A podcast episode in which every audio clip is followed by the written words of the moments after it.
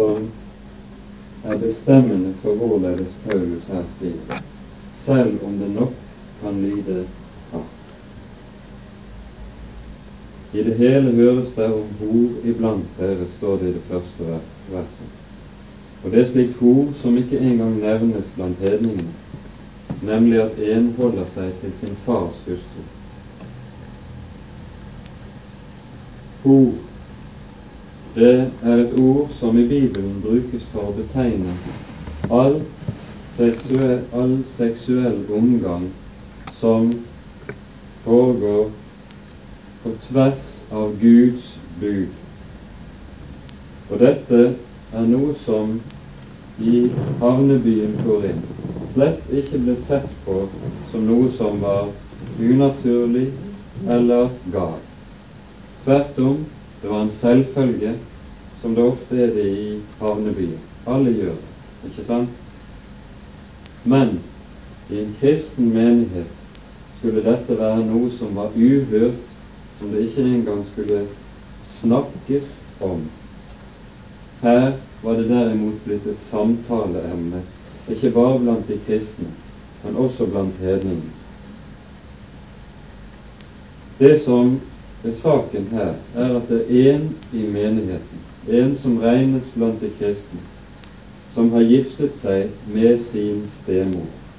Det fremgår av de ordene i den greske grunnteksten. Og Dermed så har han inngått i en ekteskapelig forbindelse som til og med også var strengt forbudt ifølge romersk lovgivning. I Bibelen er også dette slik at det er strengt forbudt. Vi leser det står henvist til det under verset i Biblene våre, også 3. Mosebok kapittel 18, der det står slik Din stemor skal du ikke ha omgang med, hun din fars hustru. Og i 5. Mosebok 7. kapittel, 27. kapittel så forbannes slike forhold uttrykkelig.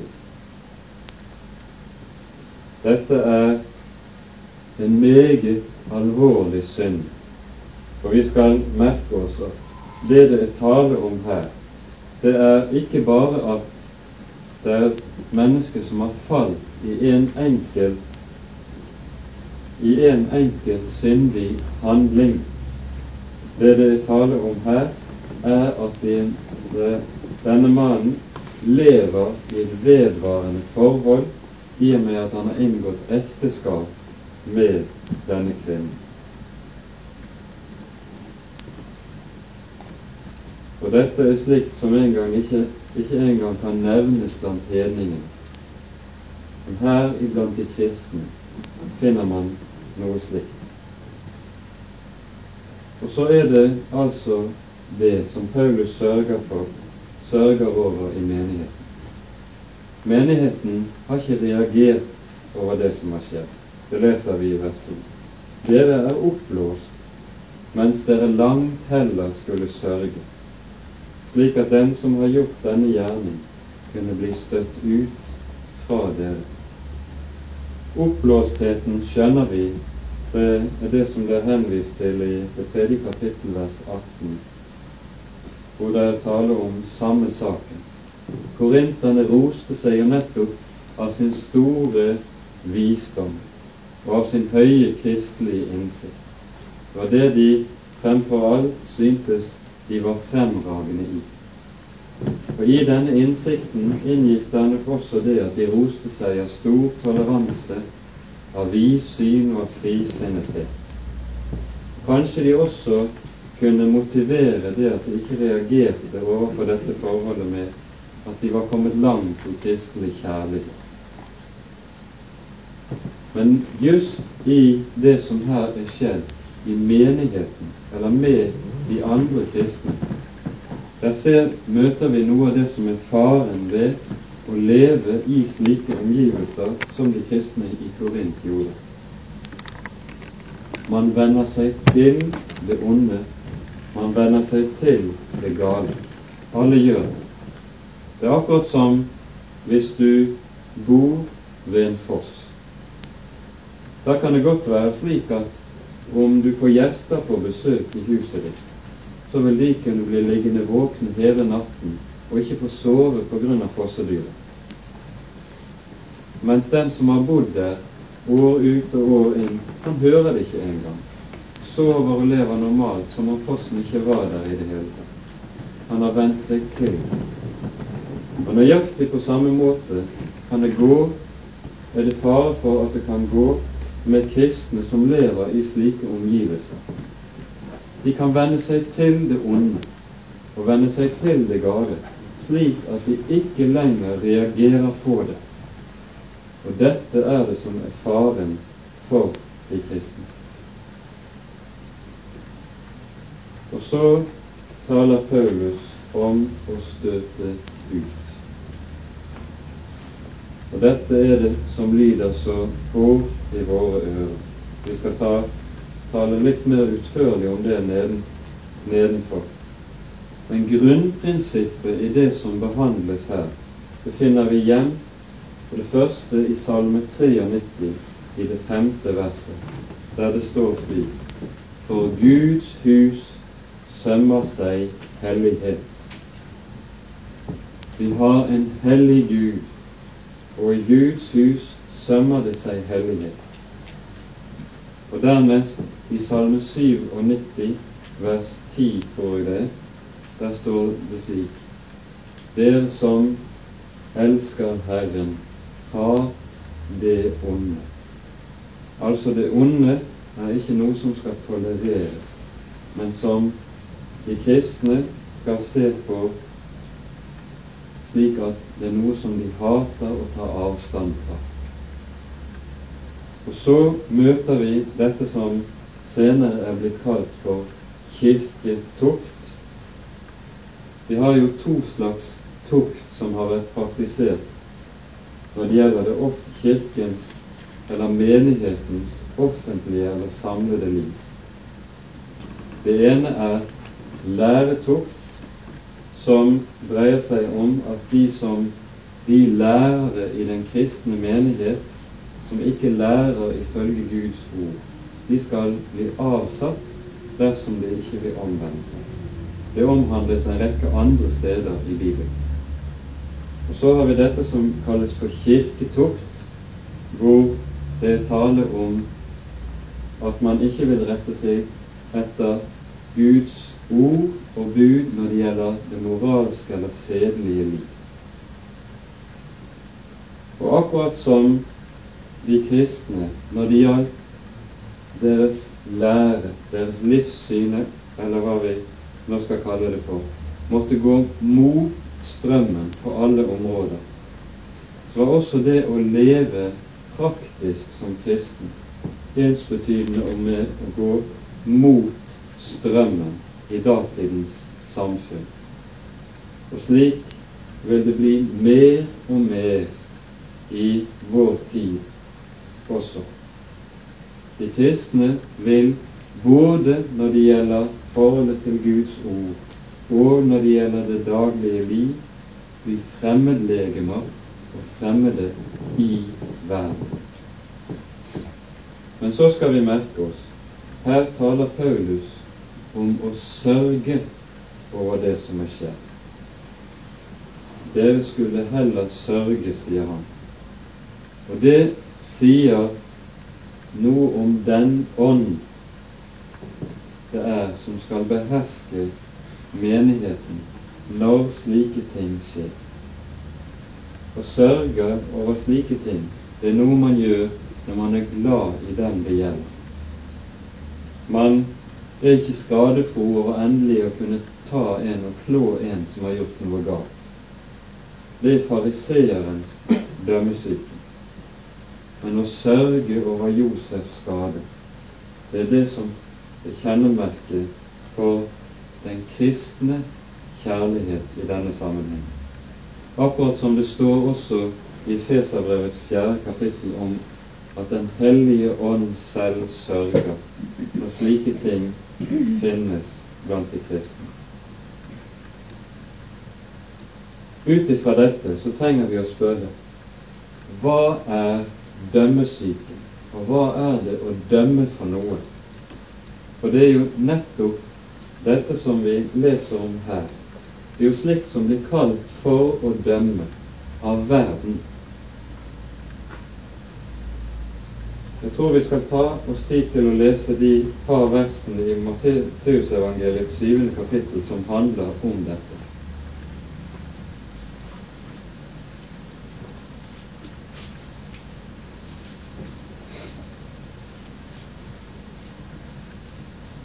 Dette var jo litt fremme også i Bibel, den ene av bibeltimene på lørdag. Men jeg tror ikke det skader å ta det frem igjen. Her sier Jesus Døm ikke for at dere ikke skal dømmes. For med den samme dom som dere dømmer med, skal dere dømmes. Og med det samme mål som dere måler med, skal dere måles igjen. Hvorfor ser du splinten i din brors øye, men bjelken i ditt eget øye blir du ikke var. Eller hvorledes kan du si til din bror, la meg dra splinten ut av ditt øye, og se, det er en bjelke i ditt eget øye.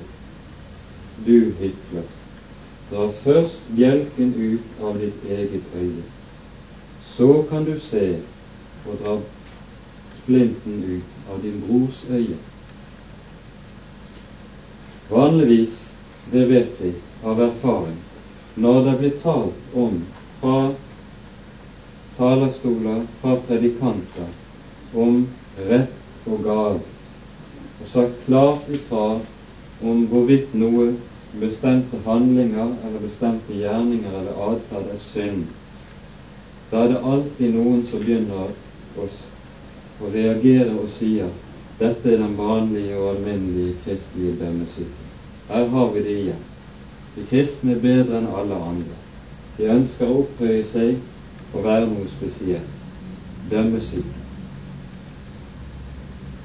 Men vi skal være klar over at ifølge Guds ord er det å si fra om rett og galt ikke å dømme. Det å dømme etter Guds ord, det er å bruke Guds ord som målestokk for andre mennesker mens man ikke bruker det som målestokk på seg selv. Det er å dømme. Og det er det Jesus refser her i denne sammenheng. Å dømme er jo nettopp det at man peker på splinten hos den andre, men ikke er var bjelken hos seg selv, og ikke har brukt Guds ord som målestokk til å dømme seg selv. Derfor sier Paulus også i Korinterne 11 at dersom vi dømte oss selv, ble vi ikke dømt.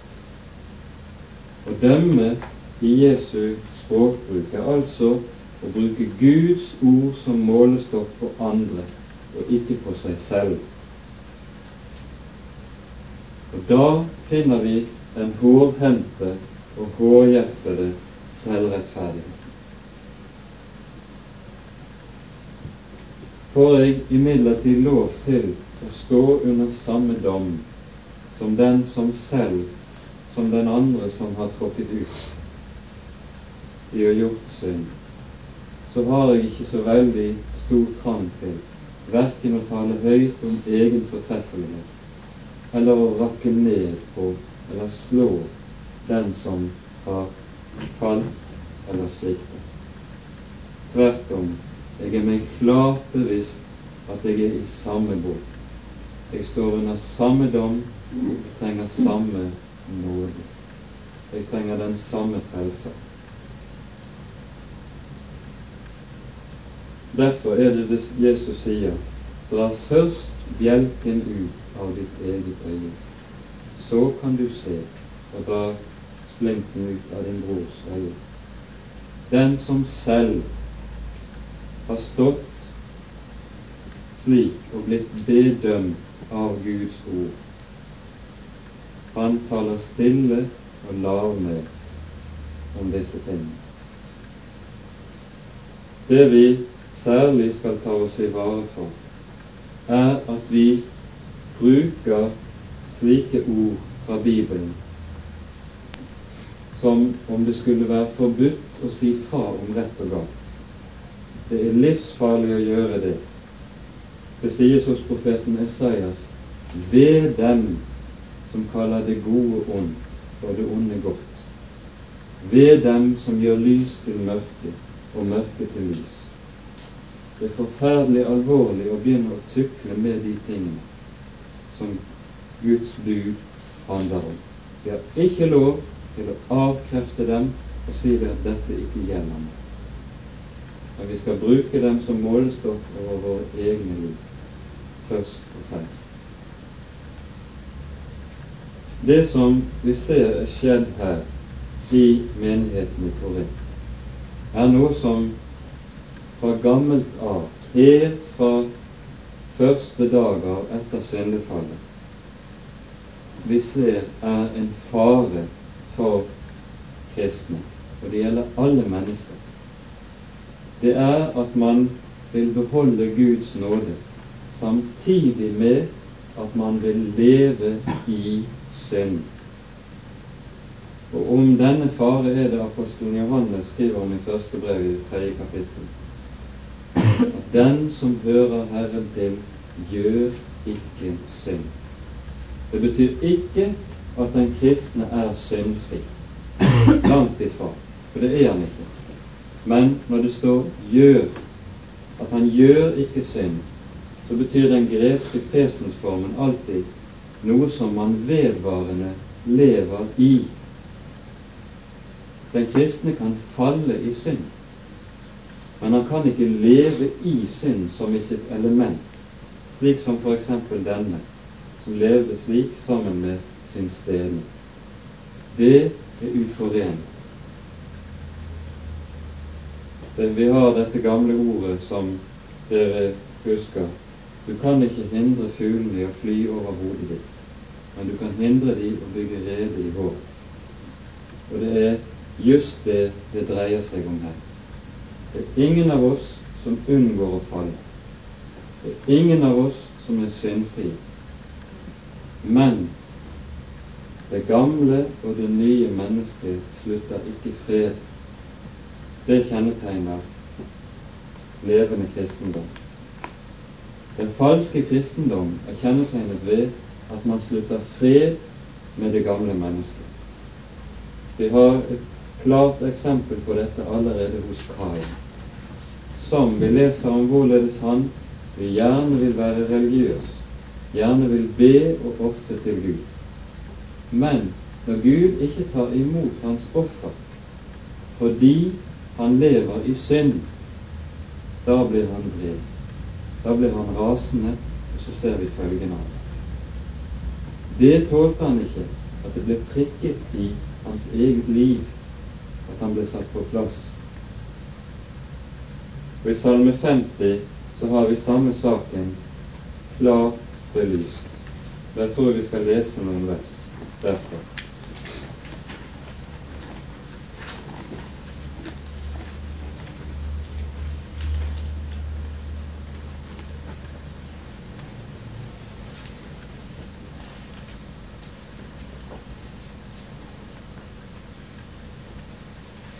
Vi leser fra vers 16. Men til den ugudelige sier Gud, hva har du med å fortelle om mine lover? og føre min kraft i din munn. Du hater jo tukt og kaster mine ord bak deg.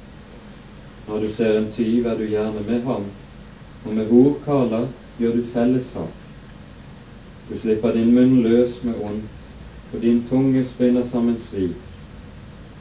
Du sitter og taler imot din bror, du baktaler din mors sønn. Dette har du gjort, og jeg har tidd. Du tenkte at jeg var som du, men jeg vil straffe deg og stille det frem for dine øyne. Legg merke til dette, dere som glemmer Gud, for at jeg ikke skal sønderrive, og det er ingen som redder. Og Her ser vi hvor alvorlig det kan være å komme inn i et slikt forhold. Her møter vi nettopp et menneske som på den ene siden ønsker å tale om Guds ord, ønsker å leve blant dem som kalles Guds folk, men samtidig i praksis lever i strid med Guds ord. Du hater jo tukt og kaster mine ord bak deg. Å hate tukt betyr i Bibelen at man nekter å ta til seg Guds ord når han vil refse. At man ikke vil høre på Guds lov og sier det er ikke så farlig. Og så bryr man seg ikke om det, men turer frem under en rekke unnskyldninger og påskudd fordi vi er så uhyre flinke til å forsvare oss selv og vårt eget. Dette har du gjort, og jeg har tid, sier han. Du tenkte jeg var som du. Og det er det alvorlige i selvbedraget. Når et menneske tenker i en slik situasjon at Gud er slik som jeg, former og danner Gud etter sitt eget bilde, og sier det at akkurat som jeg ikke er så nøye med synd, så ikke Gud, tar ikke Gud heller det så nøye. Tvert om. Det er dette som er det bibelske alvor. Gud er en hellig Gud som ikke tåler synd. Og det er det Han har åpenbart oss ved å gi oss budene. Han tåler det ikke og kan ikke gå på akkord eller kompromiss med det onde. Derfor sier han, 'Jeg vil straffe deg og stille det frem for dine øyne'. Og Nøyaktig dette er det jo som skal skje i menigheten i Korinter. Her er det Gud selv som kommer og straffer den det gjelder, for å stille det frem for hans øyne, så han ikke skal få mulighet til å slippe unna alvoret i saken. Å ha med Gud å gjøre er ikke en hyggelig fritidsbeskjeftigelse. Det er et spørsmål om liv og død. Det er det Guds hellighet og alvoret åpenbart i denne sammenhengen. Derfor sies det også hos Esaias i det 26. kapittel slik dersom den ugudelige får nåde, ser han ikke Herrens høyhet, og så blir Herren skjult. Jesaja 26, 10. Å leve i en slik tilstand og tro at man får nåde av Gud, er utelukkende å bedra seg selv. Og det er noe vi skal ta til oss nettopp ut fra sånne kapitler i Bibelen. Og så kommer vi også inn i det som er alvoret ved tiltaket som tas overfor den det gjelder her i menigheten. Jeg for min del, som vel er fraværende med legeme, men nærværende med ånd, jeg har allerede som om jeg var nærværende, felt den dom over den som har gjort dette. At Han skal i vår Herre Jesu navn, i det dere og min ånd samles i vår Herre Jesu kraft, overgis til Satan til kjødets ødeleggelse, for at Hans ånd kan bli frelst på den Herre Jesu dag. Jeg vil straffe deg og stille det frem for dine øyne, leste vi i Salme 15. Legg merke til dette dere som frykter Herre. Og her skal vi også legge merke til det som er begrunnelsen for at dette alvorlige skjer. Det står 'for at Hans ånd kan bli frelst'. Altså han blir tuktet for å bli frelst. Ikke fordi det er noen glede i å underlegge et menneske en slik, noe, slike forhold, men for at det er nødvendig for at han skal bli redd. Vi leser et par andre steder i Bibelen om tilsvarende forhold. For det første vet vi at Paulus selv av Gud var gitt en tårn i kjødet, som også kalles for en Satans engel som skulle tukte ham. Hvorfor? For at han ikke skulle opphøye seg. Altså Paulus var på en måte i noe av samme situasjon som det som nå denne overgis til for at han skal omvende seg. Og i et av sendebrevene i Johannes' åpenbaring, i det andre kapittel, leser vi også om noe tilsvarende. Jeg tror vi skal lese det. Johannes' åpenbaring, andre kapittel, der vi leser fra vers 20 til 22. Jeg har imot deg at du lar kvinnen Jesabel råde, hun som sier at hun er en profetinne, men som lærer og forfører mine tjenere til å drive hor og ete avgudsoffer. Jeg ga henne tid til å omvende seg, men hun ville ikke omvende seg fra sitt hor. Se, jeg kaster henne på sykeseng, og dem som driver hor med henne, kaster jeg i stor trengsel, hvis det ikke omvender seg fra hennes gjerning. Her ser vi altså det som er Guds måte å stelle med slike ting på. Og det er ikke spøk. For det første merker vi oss Guds tålmod. Det ytrer seg på den måten at når mennesker kommer inn i en slik situasjon, så gir Gud dem først sitt ord, der han påpeker og refser det som er havnet i grøften i livet. Og så gir han dem tid. Han gir dem tid til å omvende seg. Han slår ikke til med det harde umiddelbart, men lar ikke menneskene seg omvende ved ordet, så bruker han skarpere lyd.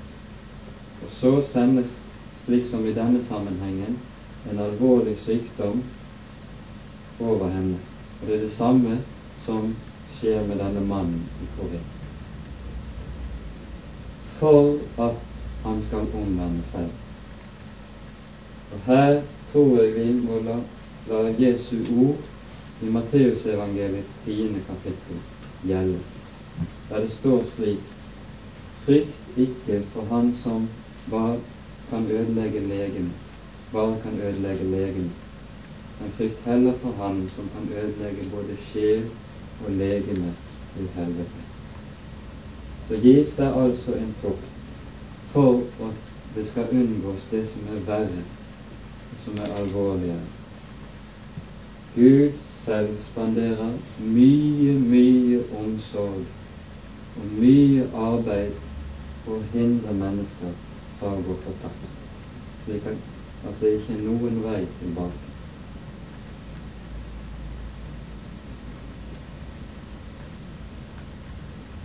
Vi kan skjønne at det høres hardt ut, men vi vet også, selv fra våre egne liv som foreldre, at det kan for kjærlighetens skyld også bli nødvendig å straffe barnet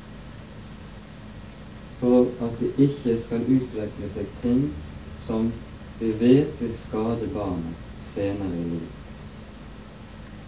Og da er denne foreldrenes straff nettopp diktert av omsorg for det vi vet er barnets beste. Og slik er det altså Han som er Herre, også steller med sine barn.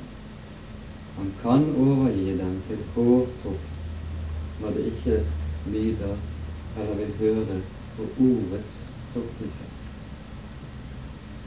Vi skal også legge merke til i denne sammenhengen at Gud fremdeles ikke er interessert i å redde situasjonen for menigheten, og ikke interessert i å redde ansiktet for den, det enkeltmennesket det gjelder, slik at det liksom hele kan være skjult og ikke komme for dagen. Det er nettopp ved at det kommer for dagen, dette som har foregått sånn halvt skjult, det er ved det at det også kan være håp om legedom og omvendelse. Fra andre Korinterbrev vet vi at dette førte frem. Vi leser i andre Korinterbrevs andre kapittel slik, og det kan være godt for oss at vi tar med.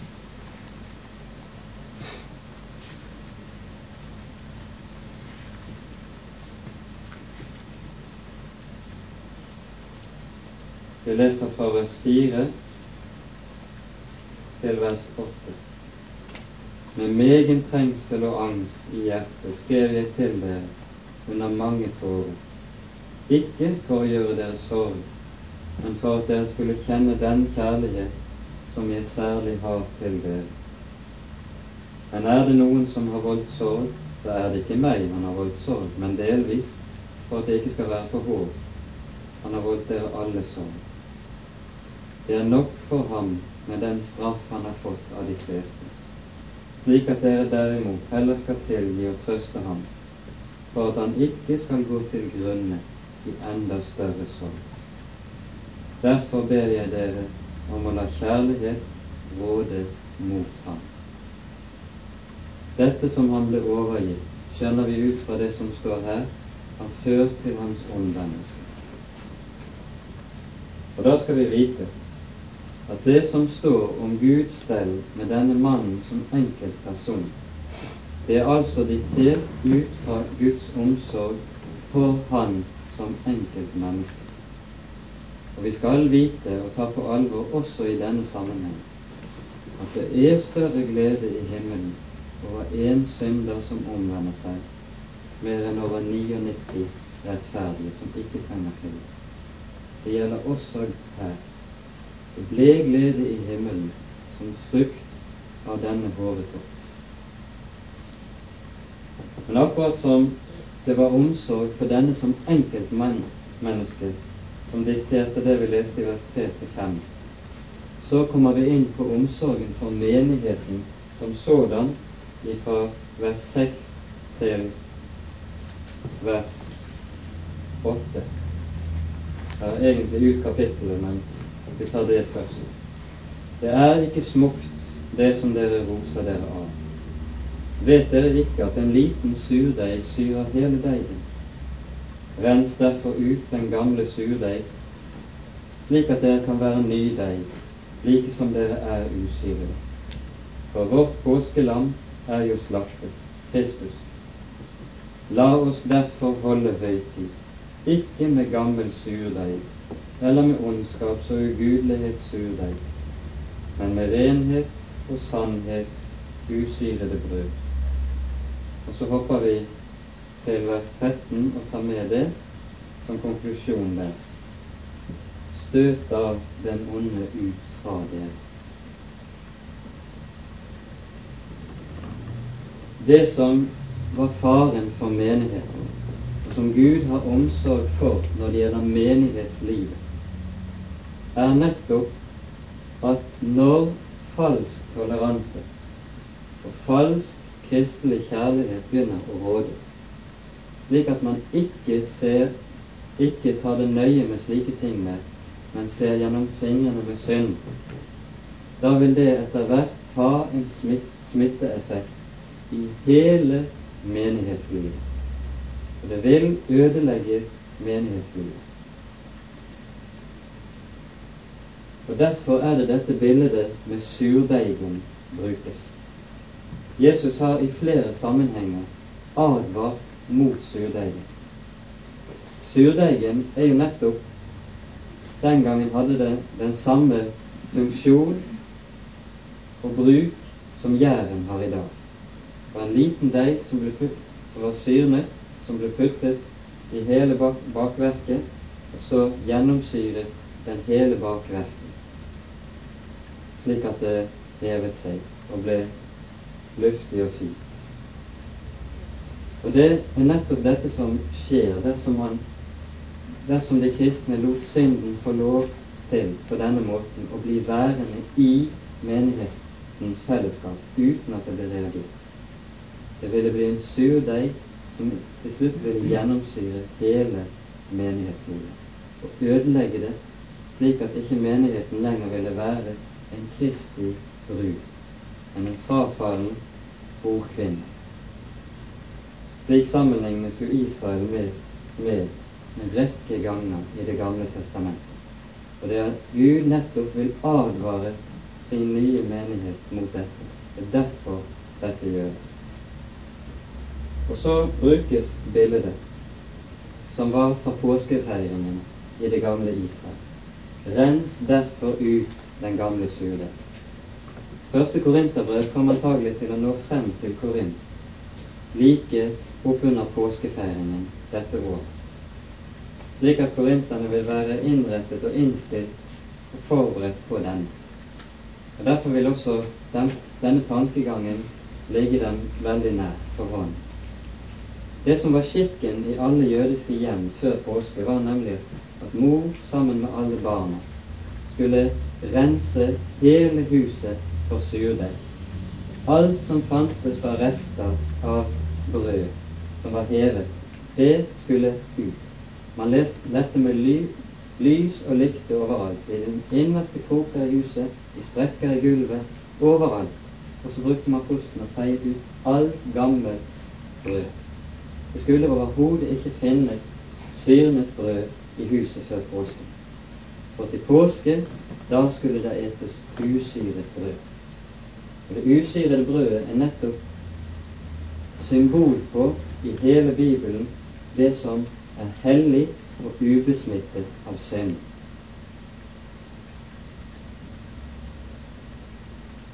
Og Dermed så står vi overfor dette som kalles for kirketukt, det er et ord som ikke finnes i Bibelen, men i sak møter vi det allerede hos Jesus selv. I Matteusevangeliets 18. kapittel, der vi leser slik.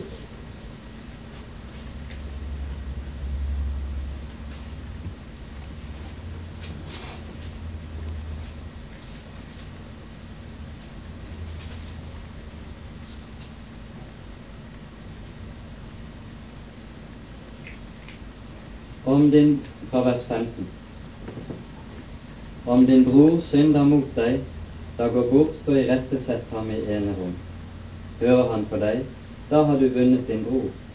Men vil han ikke høre, da ta ennå en eller to med deg, for at enhver sak skal stå fast ved to eller tre vitners ord. Men hører han ikke på dem, da si det til hele menigheten. Men hører han heller ikke på menigheten, da skal han være for deg som en hedning og en toller. Altså det som kalles for her i kapittel 5 i Korinteren for utstøtt av menigheten. Det vil si at han skal betraktes som en som ikke er kristen, og de skal omgå han som sådan. Han skal ikke lenger ha del i det kristne fellesskap, heller ikke i nadværfellesskap.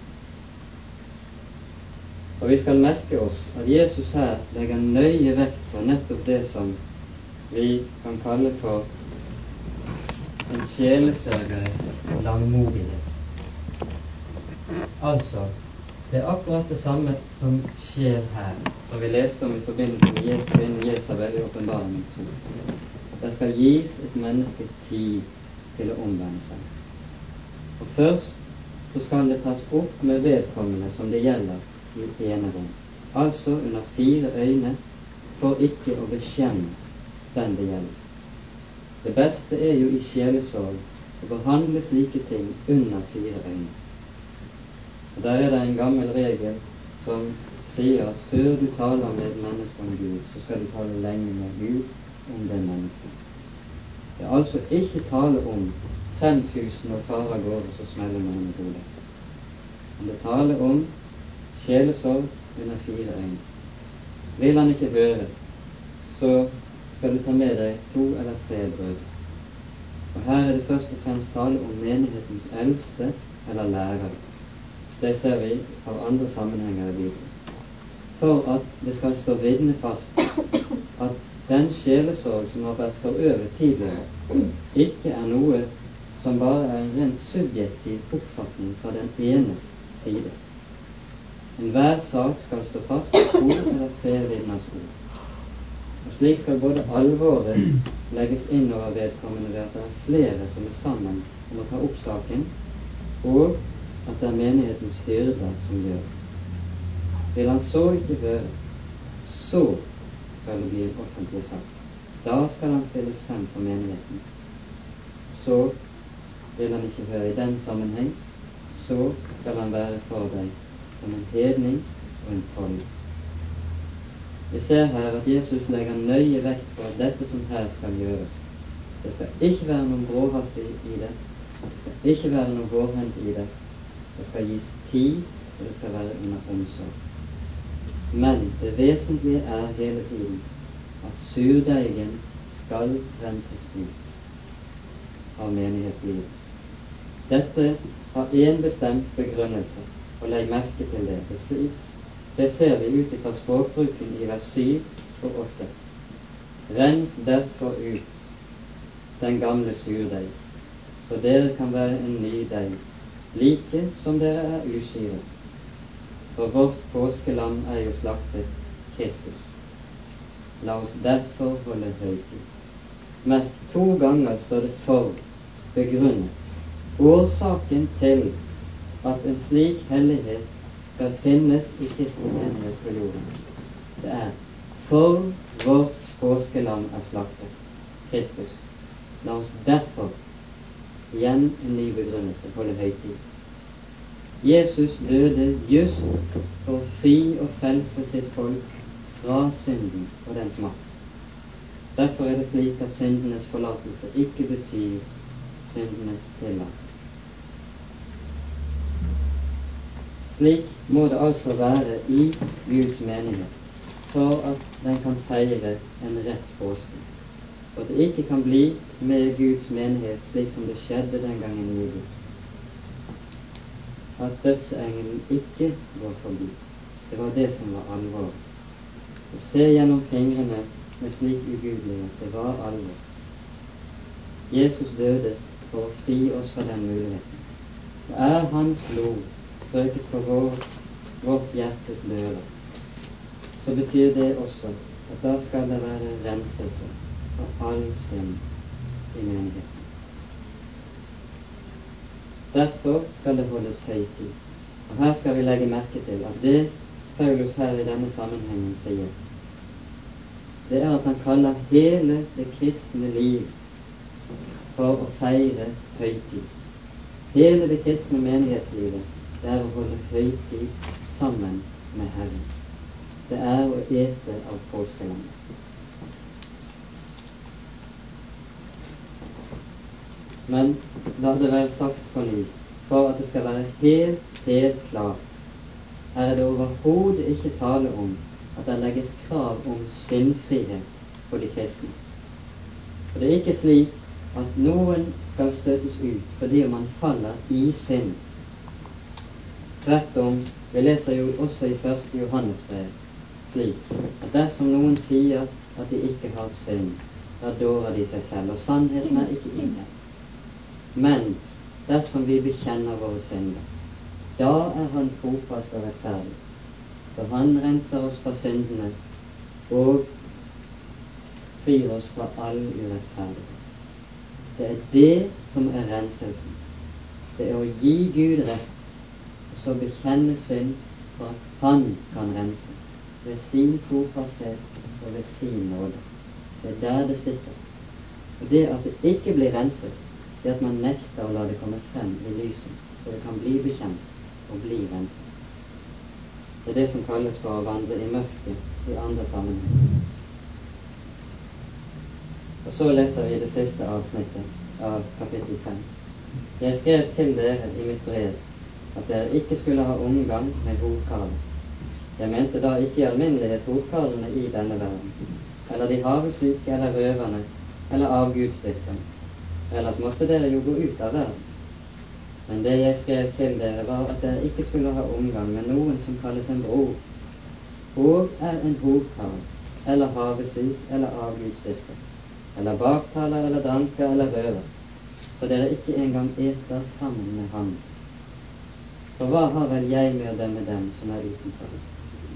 Dømmer ikke også dere bare dem som er innenfor? Men dem som er utenfor, dem skal du, Gud dømme. Støt da det onde ut fra dere. Her ser vi og skjønner vi at Paulus allerede tidligere har skrevet et brev til korinterne om der han har omhandlet disse tingene. Dette er et brev som vi ikke kjenner, og som ikke er blitt bevart i den kristne kirke. Så vi vet ikke stort mer om hva som sto der, enn antydningene som er hentet herfra. Og her sier han klart hva det dreier seg om. Det er disse som altså gir seg ut for å være kristne. Det er de man ikke skulle ha omgang med